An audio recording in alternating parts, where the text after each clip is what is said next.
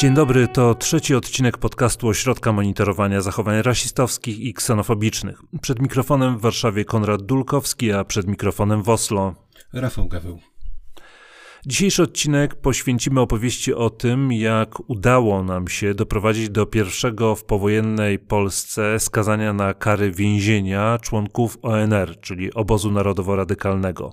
Trwało to 6 lat, bo prawomocny wyrok zapadł zaledwie dwa miesiące temu, w listopadzie 2022 roku.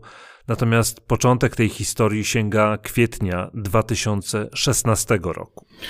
I właśnie do tego momentu musimy się cofnąć, e, bo to był dzień, w którym członkowie ONR-u postanowili przyjechać z całej Polski do Białego Stoku, po to, żeby tutaj w, w Białymstoku obchodzić 82. rocznicę powstania e, swojej organizacji. No i to był taki pochmurny dosyć, jeszcze chłodny e, dzień wiosenny. Od samego rana właściwie wszyscy w Białymstoku o tym mówili. Narastało takie napięcie. Politechnika Białostocka wydała specjalny komunikat do swoich zagranicznych studentów, do studentów e, z programu Erasmus, żeby tego dnia na wszelki wypadek nie opuszczali swoich pokojów. Już nawet nie było mowy o tym, żeby nie opuszczali kampusa, żeby w ogóle nie wychodzili z pokojów, ponieważ na terenie kampusa ma się odbyć po tym marszu nacjonalistów e, jeszcze koncert. W związku z tym starano się e, uważać na bezpieczeństwo e, tych studentów, którzy bardzo często mają odmienny kolor skóry po to, żeby nie doszło do jakichś rasistowskich incydentów. No, powody do obaw były widoczne gołym okiem. Do Białego Stoku zaczęły zjeżdżać autobusy. E, w tych autobusach kilkuset e, młodych mężczyzn, niewielka liczba kobiet. Wszyscy agresywni, wszyscy naładowani, podekscytowani całą tą, całą tą sytuacją. E, w, zgromadzili się w okolicach rynku Kościuszki. To jest taki centralny, centralny plac e, w Białymstoku. E, a następnie przeszli w okolice katedry. Tam uformowali takie poczty sztandarowe i już w takim, w takich karnych szeregach weszli do, do największego białostockiego kościoła, do nazywanego katedrą. To, co nas zaskoczyło w tamtym momencie, to fakt, że oni weszli do, do kościoła niosąc y, swoje chorągwie, swoje oznaczenia, które od lat były uznawane za nawiązujące do, do ideologii faszystowskiej. I to, co ciekawe, pojawiły się w tym kościele też y, symbole partii faszystowskich z innych krajów, konkretnie z, z Włoch, ponieważ onerowcy postanowili zaprosić kolegów e, faszystów z Włoch i postanowili razem z nimi wejść na mszę. To, co nas, y, druga rzecz, która nas zaskoczyła, to była, to był fakt, że mszę tą celebrowało dwóch księży. Jednym z nich był Jacek Międlar, jeszcze wtedy ksiądz, jeszcze wtedy niesuspendowany, czyli niezawieszony, który przywitał e, w swoich kolegów z ONR-u, zresztą wielokrotnie sam nosił opaskę ONR-u na, na ramieniu, a w, towarzyszył mu też mm, ksiądz, który nie jest y, tuzinkową postacią, bo był to kapelan policji białostockiej. E, kapelan policji białostockiej, o którym e, wiedzieliśmy, że, e, że ciągnie go do środowisk skrajnej prawicy. Wiedzieliśmy też, że umawia się z chłopcami z ONR-u na, na plebanii i że organizuje dla nich pogadanki ideologiczne. Natomiast nie sądziliśmy, że w kapelan policji podlaskiej, policji, policji białostockiej, posunie się do, do takiej bezczelności, jak e, prowadzenie, celebrowanie mszy dla, dla faszystów, tak naprawdę.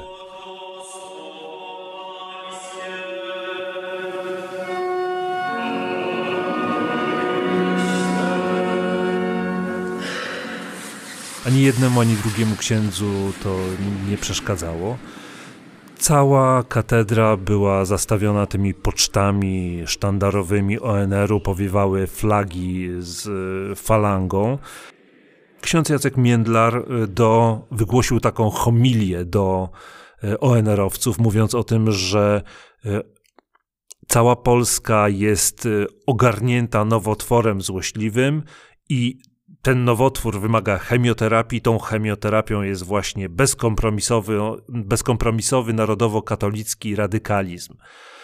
Padały tam takie słowa jak ciemiężyciele i pasywny żydowski motłoch będzie chciał was rzucić na kolana, przeczołgać, przemielić, przełknąć, przetrawić, a na koniec będzie chciał was wypluć, bo jesteście niewygodni.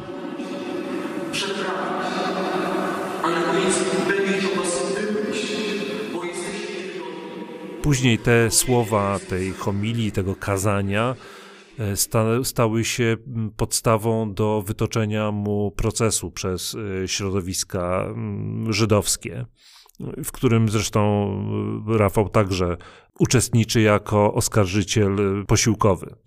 Natomiast po mszy całe towarzystwo ONR-u wyszło przed katedrę.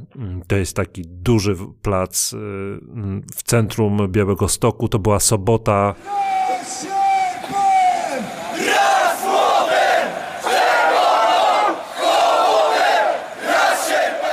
Sobota, czyli dzień, gdzie na ten plac w centrum Białego Stoku przychodziły rodziny z dziećmi. Tam przychodzi się tradycyjnie do restauracji, do kawiarni, na lody a tutaj obok karne szeregi, e, rodzaj musztry organizuje ONR. E, stoją w takich czworobokach, niesie się okrzyk wśród e, tych kamienic to my, to my, nacjonaliści. I rusza ten marsz, rusza najpierw ulicą Sienkiewicza, dochodzi do y, ulicy Hetmańskiej, w którą skręca. To są duże, szerokie, czteropasmowe ulice w centrum Białego Stoku. I do ONR-owcy idzie innymi Robert Bąkiewicz, który jeszcze wtedy nie jest tym Robertem Bąkiewiczem, jeszcze nie stoi na czele Marszu Niepodległości, jeszcze nie jest człowiekiem, który ma może inaczej. On już wtedy chyba miał y, ambicje polityczne, ale na razie dopiero piął się po szczeblach y, kariery w ONR-ze. Tutaj pełnił funkcję takiego, no właśnie, funkcyjnego. Y, news w ręku, megafon był ubrany w wojskowe, wojskowe ciuchy, takie paramilitarne. Tym megafonem pokrzykiwał do maszerujących po to, żeby szli równo, żeby mocno wybijali rytm, żeby skandowali wszyscy pełnym głosem.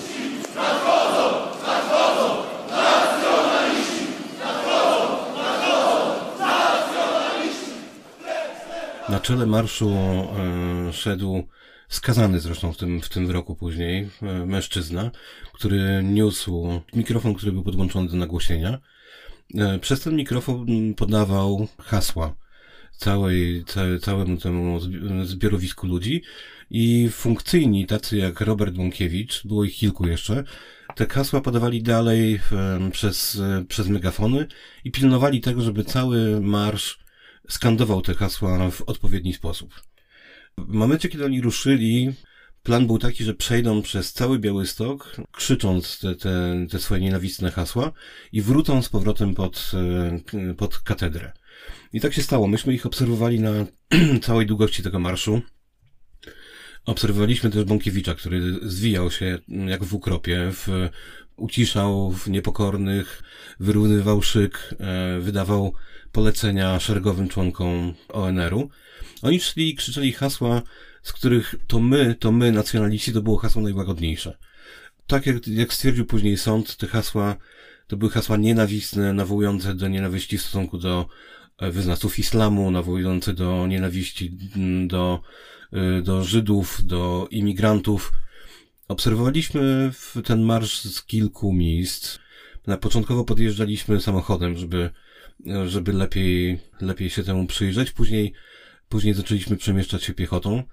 Oczywiście onerowcy widząc nas i rozpoznając nas jako przedstawicieli ośrodka monitorowania zachowań rasistowskich, ksenofobicznych, nie, nie, nie byli e, uradowani naszym widokiem. E, bardzo często nas e, wy, wymachiwali w naszym kierunku, pokazywali, że nas obserwują. W pewnym momencie nawet marsz się zatrzymał i, i oni skandowali hasła w naszym, w naszym kierunku. Marsz zrobił pętlę E, w, wokół centrum Białego Stoku I tuż przed tym, jak, jak wracał pod katedrę, padły te słowa, które stały się później podstawą oskarżenia onerowców. A na drzewach zamiast liści będą wisieć syjoniści.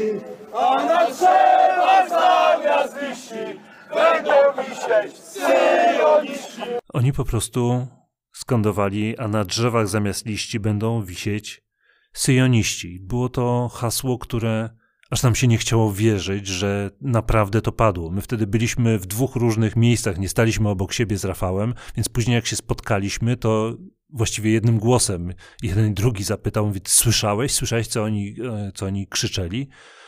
Nie chciało się wierzyć, że w takim miejscu jak Białystok, w, gdzie większość mieszkańców przedwojennych to byli Żydzi, oni zginęli, właściwie większość białostockich Żydów zginęła w czasie Holokaustu. Było tam zresztą duże getto w Białymstoku. W tej chwili w tym miejscu jest tylko pomnik pozostał. I w takim miejscu idą ONR-owcy, ideologiczni spadko, spadkobiercy przedwojennej, faszystowskiej organizacji, którzy skandują, a na drzewach zamiast liści będą wisieć syjoniści. I e, po całym marszu oni wrócili na stopnie e, katedry. Są takie wysokie schody, na które z ich szczytu e, poszczególni członkowie, no, liderzy ONR-u wygłaszali takie podsumowujące przemówienia. I wtedy już nie było mowy o tym, że to hasło padło w sposób przypadkowy, bo w swoich przemówieniach o syjonistach tych, którego to słowa używali, żeby nie użyć słowa Żydzi, o syjonistach wspominali kolejni przemawiający. A wśród tych przemawiających był także przedstawiciel włoskiej organizacji faszystowskiej Forza Nuova. Forza Nuova to jest organizacja, która wprost nawiązuje do e, faszyzmu, która wielokrotnie członkowie tej organizacji dawali się fotografować w geście unoszenia prawej dłoni w charakterystycznym geście. Ostatnio mm, wybuchł kolejny skandal, bo podczas pogrzebu jednego z członków tej organizacji w Rzymie trumna była okryta nazistowską flagą. Tak, tą flagą czerwono-czarno-białą z wielką swastyką. I właśnie przedstawiciel tej organizacji był i przemawiał i mówił o tym, że syjonizm jest y, zagrożeniem dla chrześcijaństwa. Mówił o tym na stopniach katedry w Białymstoku. Chwilę po tym, kiedy ONR-owcy pełnym gardłem w Białymstoku nawoływali do mordowania osób innej narodowości. Trzeba tutaj przypomnieć, że cały marsz ONR-owców był bardzo dokładnie obserwowany przez policję. Policja towarzyszyła ONR-owcom na każdym kroku. W, e, byli tam policjanci, którzy pełnili różne funkcje. Wśród nich byli policjanci, którzy obsługiwali kamery i przy pomocy tych kamer rejestrowali każdą sekundę e, tego, e, tego zgromadzenia. Byliśmy przekonani, że, że, że to, co się wydarzyło na tym marszu, jest podstawą do tego, żeby e, zawiadomić e, organy ścigania o popełnieniu przestępstwa przez ONR-owców. Natomiast e, wiedzieliśmy też po naszych wcześniejszych doświadczeniach, po sprawie afery określanej jako afera swastyki jako symbolu szczęścia, wiedzieliśmy, że białostoccy śledczy stoją po stronie skrajnej prawicy, że jeśli tylko mogą umorzyć postępowanie lub odmówić w ogóle wszczęcia postępowania przeciwko skrajnej prawicy, to na pewno to zrobią. Myśmy wcześniej złożyli kilkaset e, zawiadomień i większość z nich została umorzona, ponieważ białostoccy śledczy nie potrafili się do, dopatrzyć e, przestępstwa w czynach, które, które charakter przestępczy miały w sposób ewidentny. Co więcej, my staliśmy się mm, przedmiotem ataków e, ze strony prokuratury i, i to my byliśmy zwalczani jako ci, którzy przysparzają białostockiej policji i białostockiej prokuraturze niepotrzebnej zdaniem prokuratorów mm, roboty. No, psujemy y, statystyki w ten sposób, no bo po co? Lepiej y, zamieść sprawę pod dywan, a jeżeli ktoś znajdzie swastykę, no to wtedy stwierdzić, że nie ma podstaw do ścigania, no bo swastyka to jest azjatycki symbol szczęścia. Postanowiliśmy przyglądać się tej, tej, w tej sytuacji i w przeciwieństwie do kilku posłów i instytucji i osób e, prywatnych nie złożyliśmy wtedy zawiadomienia o popełnieniu przestępstwa. Podejrzewaliśmy, że po prostu to zawiadomienie zostanie bardzo szybko umorzone i tak się też stało. Bo zawiadomienie złożyła grupa posłów e, i organizacji społecznych. Złożyli e, to zawiadomienie, natomiast no, bardzo szybko prokuratura w Białymstoku, a dokładnie prokurator okręgowy Marek Czeszkiewicz, e, odmówił wszczęcia postępowania. I w, osoby składające to zawiadomienie wpadły w pułapkę, dlatego że polskie prawo nie pozwala zażalić się na umorzenie śledztwa. Gdyby wcześniej prokuratura odmówiła wszczęcia śledztwa, wtedy, wtedy można złożyć instytucje e, społeczne, mogą wtedy złożyć e, zażalenie do sądu i wtedy jest szansa, że sąd takie zażalenie by uznał. Natomiast w momencie, kiedy prokuratura celowo wszczęła postępowanie, a następnie je umorzyła, nastąpił klincz. Nikt nie był w stanie, nie miał możliwości złożenia zaża skutecznego zażalenia na to, na to postanowienie. Co więcej, okazało się, że prokuratura nie może dopatrzyć się tych, tych momentów tego, tego marszu, w którym doszło do przestępstw. Okazało się, że zniknęły w cudowny sposób e, z nagrań policyjnych fragmenty, na których Słychać było, jak większość e, mężczyzn i kobiet należących do NR-u skanduje to hasło, e, a na drzewach zamiast liści e, wisieć będą syjoniści. Na całe szczęście na miejscu była ekipa TVN-u, która, która robiła swoje niezależne nagrania i to właśnie te nagrania później spowodowały, że, że nam udało się doprowadzić do wszczęcia postępowania w tej, w tej sprawie. No właśnie, po tym jak prokuratura w Białymstoku umorzyła e, to, mm, umorzyła to skutecznie, to śledztwo, my składamy swoje zawiadomienie, ale składamy je w prokuraturze rejonowej Warszawa-Żoliborz, a dlatego, że tam właśnie mieszka główny zawiadamiający i pokrzywdzony Rafał Gaweł. Czyli Rafał, y, w tym momencie my się zabezpieczamy, żeby nie można było tak łatwo y, tego śledztwa umorzyć, bo mamy osobę pokrzywdzoną. Osoba pokrzywdzona może y, zażalić się później na ewentualne umorzenie śledztwa, bo od razu podejrzewamy, że tak samo prokuratura na Żoliborzu może chcieć sama albo pod wpływem pewnych nacisków umorzyć śledztwo wobec skrajnej prawicy, bo no, takie mieliśmy doświadczenia. Prokuratury w całej Polsce były od pewnego czasu raczej nakłaniane do tego, żeby pewnych środowisk nie ruszać. Mówiąc wprost, od pewnego czasu, czyli od momentu przejęcia przez e, władzy przez PiS. E, natomiast wcześniej w, w takich prokuraturach jak Rzeszów, Lublin, Białystok, prokuraturach, które zostały przejęte przez PiS już za, za poprzednich rządów e, tego ugrupowania, E, już wcześniej spotykaliśmy się z tą sytuacją, dlatego mieliśmy spore doświadczenie w tym, jak się z prokuraturą obchodzić. Prokuratura na Żoliborzu zachowała się dokładnie tak samo jak prokuratura w Białymstoku, to znaczy wszczęła postępowanie, po czym je umorzyła. E, jak się później okazało, przesłuchując jedną osobę tylko, czyli tak naprawdę nie robiąc nic, by ustalić sprawców. To było o tyle naganne, że my prokuraturze w Warszawie dostarczyliśmy już nagrania, na których widać było onerowców skanujących, to były te nagrania z TVN-u, na których widać było konkretnych onerowców e, skandujących to hasło nawołujące do mordowania osób e, pochodzenia żydowskiego. Mimo tego prokurator na Żoliborzu e, postanowił sprawę umorzyć, twierdząc, że on po prostu nie jest w stanie dopasować konkretnych osób do tych, których widać na, na nagraniu. No, my złożyliśmy zażalenie na tę decyzję. Zażalenie trafiło do Sądu Okręgowego w Białymstoku i tam sędzia y, Izabela Komarzewska no, zmiażdżyła tę decyzję prokuratury o umorzeniu no, w sposób popisowy, bo właśnie wykazała, że prokuratura nie zrobiła kompletnie nic. Przesłuchali jednego świadka, który nawet nie był właściwie świadkiem tych wydarzeń. Nie było go na tym e, marszu ONR-u. On go obserwował z e, odległości kilkuset metrów, w związku z tym nie był w stanie absolutnie niczego e, nikogo rozpoznać. No i oczywiście nie rozpoznał, na tej podstawie prokuratura umorzyła.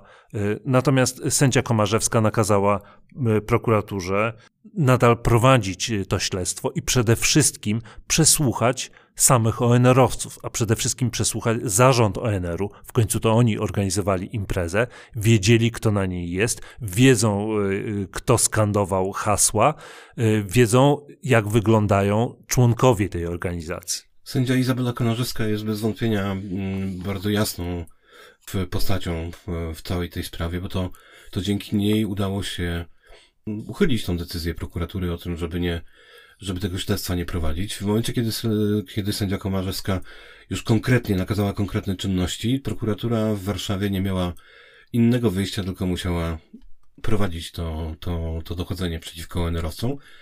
No i w tym razem trzeba przyznać, że prokurator zabrał się do, do, do pracy, zaplanował pewne czynności, no ale podstawową czynnością, która była mu potrzebna, to były uzyskanie akt y, tego pierwotnego śledztwa, które zostało umorzone w Białymstoku. I tutaj nastąpił kolejny klincz w tej sprawie. Prokurator Purymski z Białego Stoku postanowił nie udostępnić akt swojemu koledze z Warszawy. W aktach sprawy, jak później czytaliśmy, ośmiokrotnie warszawski pro prokurator prosi, błaga, apeluje o, o przesłanie mu materiałów, akt, nagrań, filmów, zeznań policjantów, a mm, prokurator Andrzej Purymski z prokuratury okręgowej, który w międzyczasie został awansowany przez PiS na, na bardzo wysokie stanowisko w tej prokuraturze, z, mm, bezczelnie odpowiada, że jak będę miał ochotę, to akta wyślę, jak nie, to nie. No i miały miesiące, akta były nieudostępniane i prokurator umorzył postępowanie w tym zakresie. Niestety nie zostaliśmy o tym umorzeniu poinformowani. Ja się dowiedziałem o tym dzwoniąc w innej sprawie do prokuratury. Postanowiłem przy okazji mm, zasięgnąć języka i dowiedzieć się, co się dzieje w sprawie ONR-u. No i pani sekretarka mi powiedziała, proszę pana, ale ta sprawa już jest dawno umorzona. Ja mówię, jak to jest umorzona, skoro nie dostaliśmy postanowienia o umorzeniu w tej sprawie. Na co pani sekretarka stwierdziła, no wysyłaliśmy do państwa, ale i podała tutaj adres, pod którym nasza organizacja nie znajdowała się już od, od wielu miesięcy.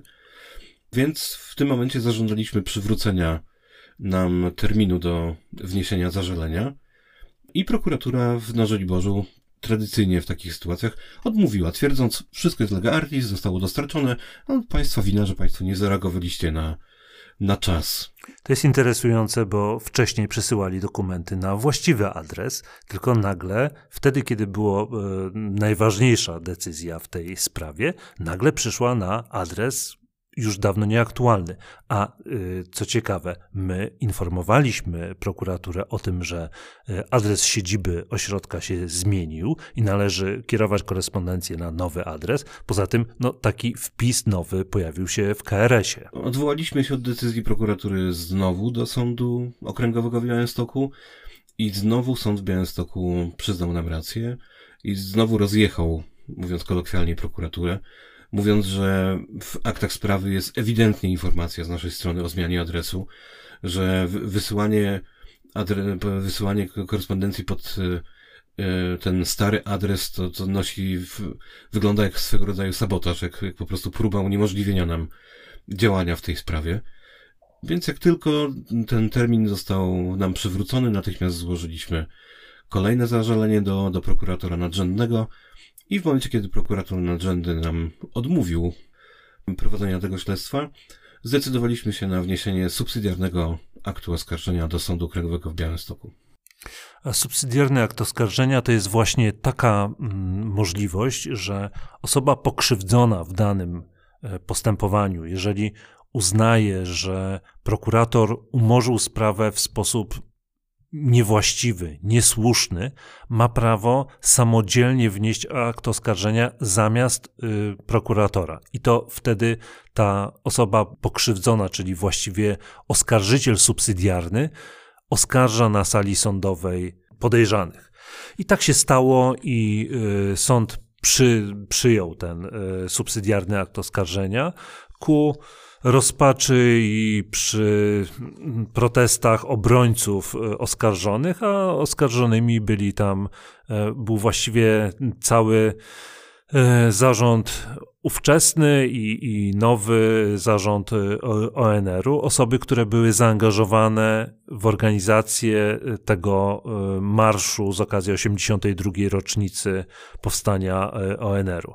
Obrońcy oskarżonych przede wszystkim podnosili, że Rafał Gaweł, który był tym oskarżycielem subsydiarnym, nie ma żydowskiego pochodzenia. Chcieli, żeby w jakiś sposób Rafał uzasadnił, udowodnił, że ma, że w jego żyłach płynie żydowska krew. Nie wiem, badania genetyczne, E, natomiast e, sąd pierwszej instancji stwierdził, że przynależność do danego narodu jest czymś deklaratywnym, tak samo jak deklaratywna jest na przykład przynależność do danego, do osób danego wyznania. Nie można nikomu nakazać jakichś badań krwi, badania i udowadniania tego, że jest danej narodowości lub innej. I na takiej samej zasadzie nie można od nikogo żądać, żeby udowodnił swoje wyznanie. No bo niby jak ma udowodnić, że wierzy w danego Boga, a nie w innego, według danych zasad, a nie innych.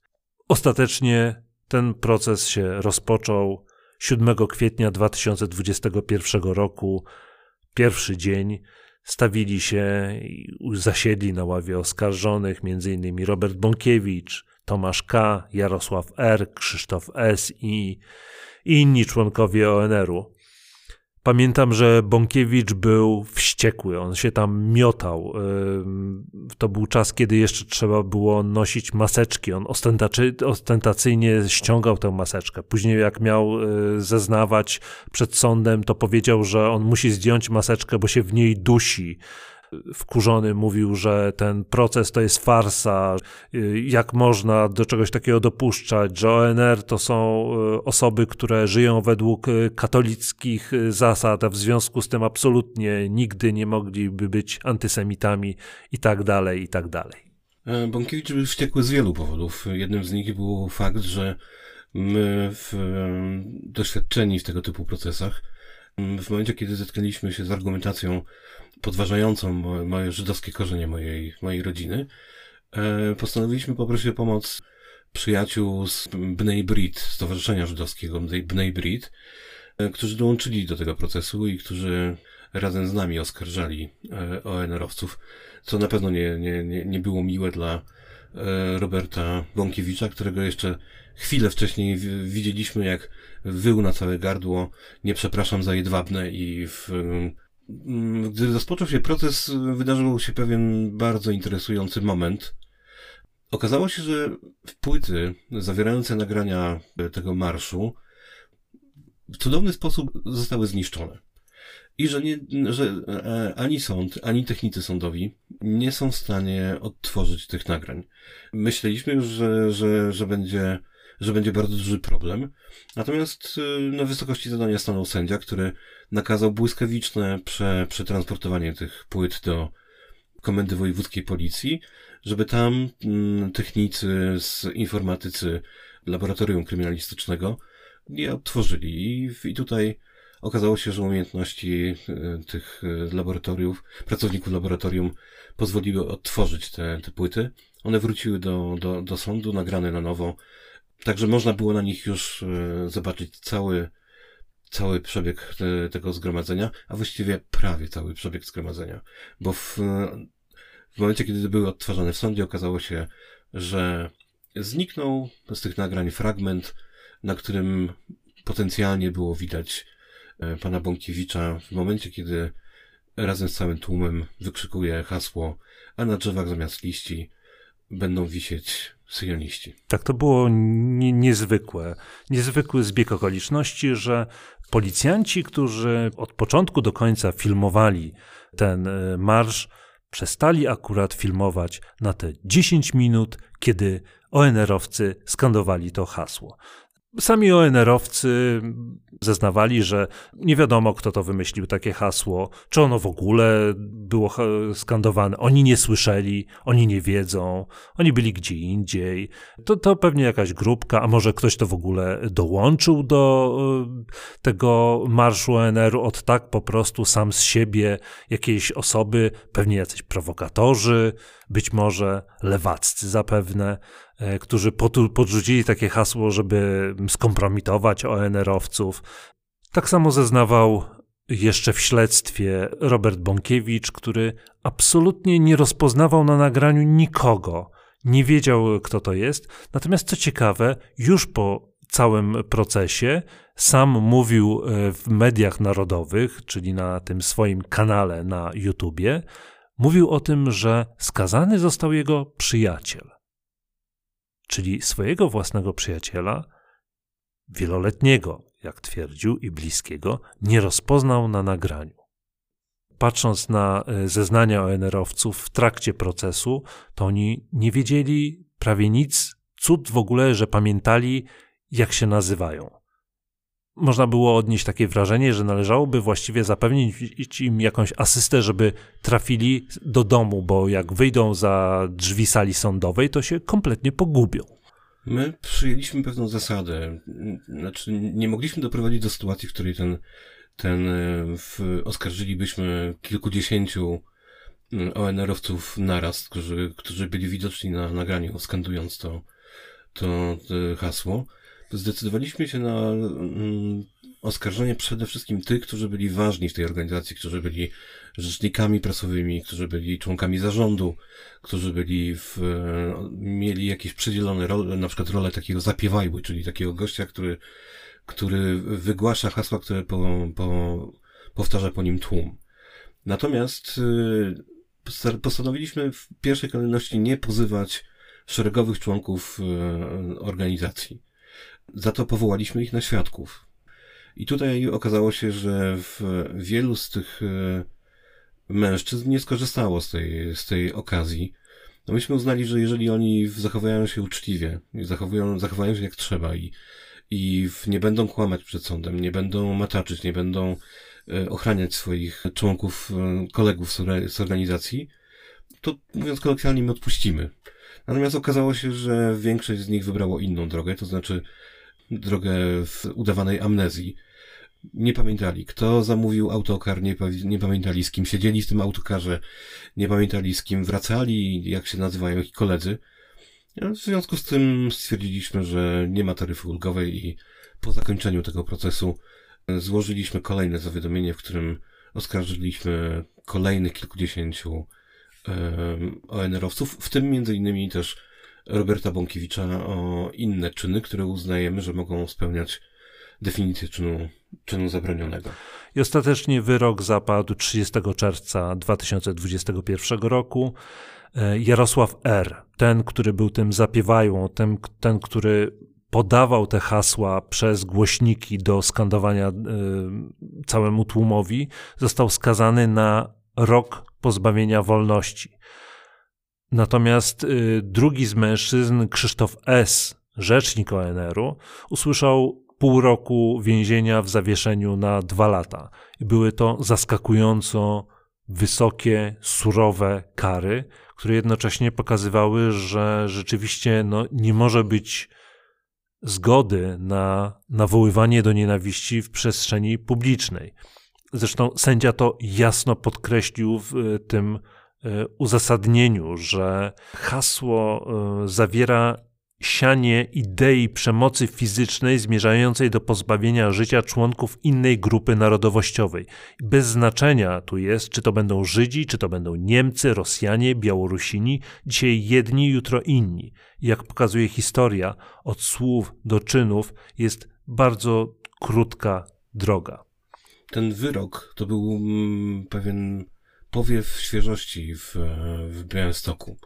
Ten wyrok sprawił, że po raz pierwszy e, balansujący na granicy prawa ONR-owcy, którzy bardzo się pilnują, tak żeby używać języka nienawiści, ale jednocześnie robić to w, tak, w taki sposób, żeby nie narazić na odpowiedzialność karną. Po raz pierwszy e, nie udało im się wyprowadzić w pole organów ścigania. E, po raz pierwszy zostali zmuszeni do tego, żeby odpowiedzieć za, za swoje winy.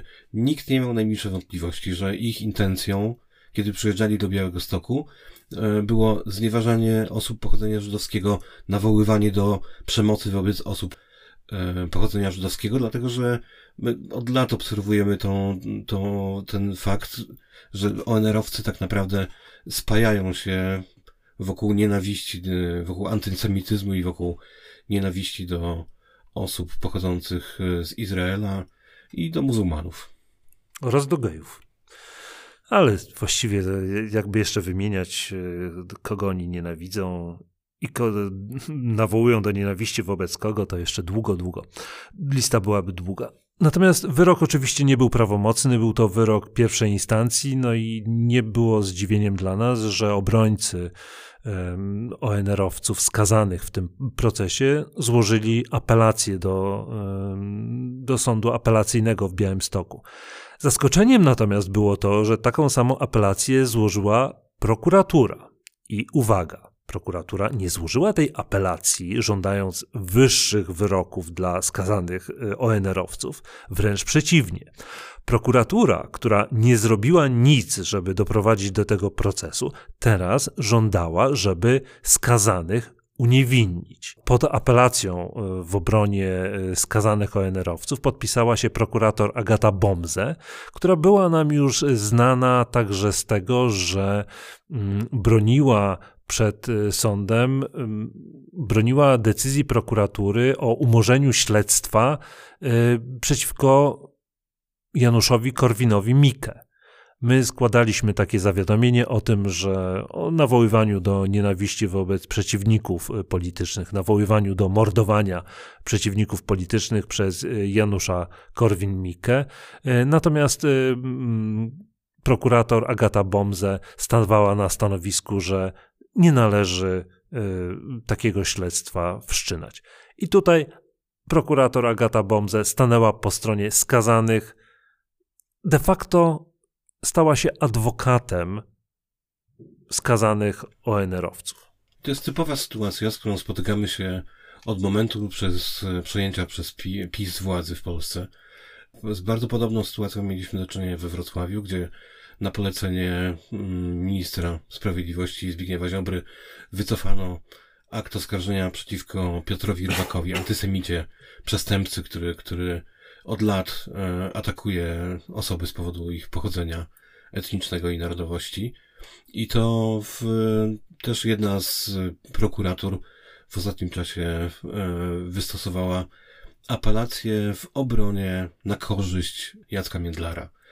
Dokładnie tak jak w Białymstoku, prokuratorzy dyspozycyjni wobec władzy postanowili zamienić się rolami i wystąpili w roli adwokata skrajnie prawicowego przestępcy. No ale tutaj y, akurat apelacja w sprawie ONR-u nie przyniosła skutku. 9 listopada 2022 roku Sąd Apelacyjny w Białymstoku ogłosił wyrok podtrzymujący w znacznej mierze ustalenia sądu pierwszej instancji. E, sędzia Brandeta Chryniewicka zmieniła ten wyrok pierwszej instancji tylko w tym zakresie, że obu tych skazanych E, czy obu skazanym zawiesiła te kary, e, wykonanie kar na okres próby, na dwa lata. Czyli znowu Jarosław R., który był skazany na rok więzienia, w tej chwili był skazany na rok więzienia w zawieszeniu na dwa lata. Natomiast w przypadku Krzysztofa S., E, wyrok pozostał bez zmian, to znaczy został skazany na pół roku pozbawienia wolności w zawieszeniu na dwa lata. Sędzia e, Brandeta Chryniewickie zmieniła tylko jeszcze jeden zapis. Tam był taki zapis, że w tym wyroku pierwszej instancji, że ten czyn został, e, miał charakter chuligański. Sędzia Chryniewicka stwierdziła, że nie miał i nie mógł mieć takiego bezmyślnego, chuligańskiego charakteru, dlatego że był przemyślany. Był skierowany przeciwko osobom konkretnej narodowości, był wyrazem pewnego przemyślanego działania, dlatego nie mógł być y, y, czynem chuligańskim, ale dzięki temu niejako y, zwiększyła także kwoty mm, nawiązek, które obaj skazani muszą zapłacić pokrzywdzonemu w tej sprawie, czyli Rafałowi Gawłowi. Tak się składa, że właśnie przyszło pismo z Sądu Okręgowego w Białymstoku z zapytaniem, czy obaj skazani już zapłacili. Nie wiem, zapłacili czy nie. Nie, nie zapłacili. Tak jak sądziłem w, i mówiłem wcześniej, prawdopodobnie będziemy musieli skorzystać e, z pomocy komornika, żeby wyegzekwować te, te, te środki. Ale to jest typowe, bardzo podobne sytuacji. Znaleźliśmy się w momencie, kiedy wygraliśmy sprawę sądową z panią Agnieszką Siewierniuk-Maciurowską. Ona też mm, niestety nie, nie, nie wpłaciła pieniędzy honorowo, tylko musieliśmy przy pomocy komornika blokować jej konto, blokować jej rozliczenia w urzędzie skarbowym po to, żeby odzyskać e, od dłużniczki przysługujący nam zasądzone przez sąd pieniądze. Ta sprawa jest niezwykle ważna, ta, która, e, którą dzisiaj opisywaliśmy. Ona to jest pierwsza sprawa, w której udało się doprowadzić do wyroków wskazujących na członków ONR od II wojny światowej. Ona pokazała ONR-owcom, że nie są bezkarni i w jakiś sposób wybiła im kły. My w, widzimy, że od momentu skazania ONR-owcy nie mogą się pozbierać. Oni przestali mieć poczucie, że są bezkarni, przestali mieć poczucie, że system ich ochrania. E, organizowali jeszcze później większe wydarzenia. Takie wydarzenia odbyły się w, Gdańsku, odbyły się w Warszawie, ale one już nie były rejestrowane na mm, ONR-owców, tylko na podstawione osoby. Oni już zaczęli się mocno asekurować. Bardzo się pilnowali z tym, co mówią, a w momencie, kiedy gdzieś tam któryś z nich przekraczał, przekraczał granicę, za, za której po przekroczeniu której mógłby zostać pociągnięty do odpowiedzialności karnej, to koledzy widać było, że go że go tam szturchają i pokazują mu, żeby się uspokoił. Ta sprawa pokazuje, że warto działać i że te sześć lat naszej systematycznej pracy, znajdowania kruczków prawnych, rozgrywania, rozgrywki szakowej z prokuraturą e, nie poszło na marne. To jest sprawa, która zmieniła jednak funkcjonowanie skrajnej prawicy w Polsce. Zresztą ten prawomocny wyrok to jeszcze nie koniec tej sprawy związanej z, czy właściwie innych spraw związanych z tym, z tym marszem, ponieważ, no, tak jak Rafał wspomniał, w trakcie procesu ustaliliśmy personalia kolejnych osób, które są widoczne na tym nagraniu, które skandowały. W tej chwili już y, te śledztwa w tych sprawach są dosyć zaawansowane. W gruncie rzeczy w każdej innej sytuacji oni już dawno powinni usłyszeć akty oskarżenia, ale myślę, że prokuratura tutaj czekała na ten ostateczny, prawomocny wyrok. No w tej chwili prokuratura de facto nie ma możliwości ruchu. Ma podanego na tacy przynajmniej jednego e, członka ONR, który skandował to, to hasło to hasło zostało uznane już prawomocnie przez sąd za e, nawoływanie do nienawiści, nawoływanie do użycia przemocy fizycznej wobec osób określonego pochodzenia. W związku z tym no, już nie może właściwie nic zrobić, aczkolwiek i tak, i tak yy, zabezpieczamy się i, i, czekamy, co tym razem wymyśli prokuratura na Żoliborzu i w jaki sposób może umorzyć akurat y, tę sprawę, która wydawałoby się, że już no, w tej chwili no, jest takim absolutnym pewniakiem. Prokurator powinien to wziąć, wysłać od razu do sądu akt oskarżenia. Sprawa powinna zostać e, załatwiona błyskawicznie, ale nie wiemy. Zobaczymy. Z prokuraturą pod rządami Ziobry już nie takie numery widzieliśmy.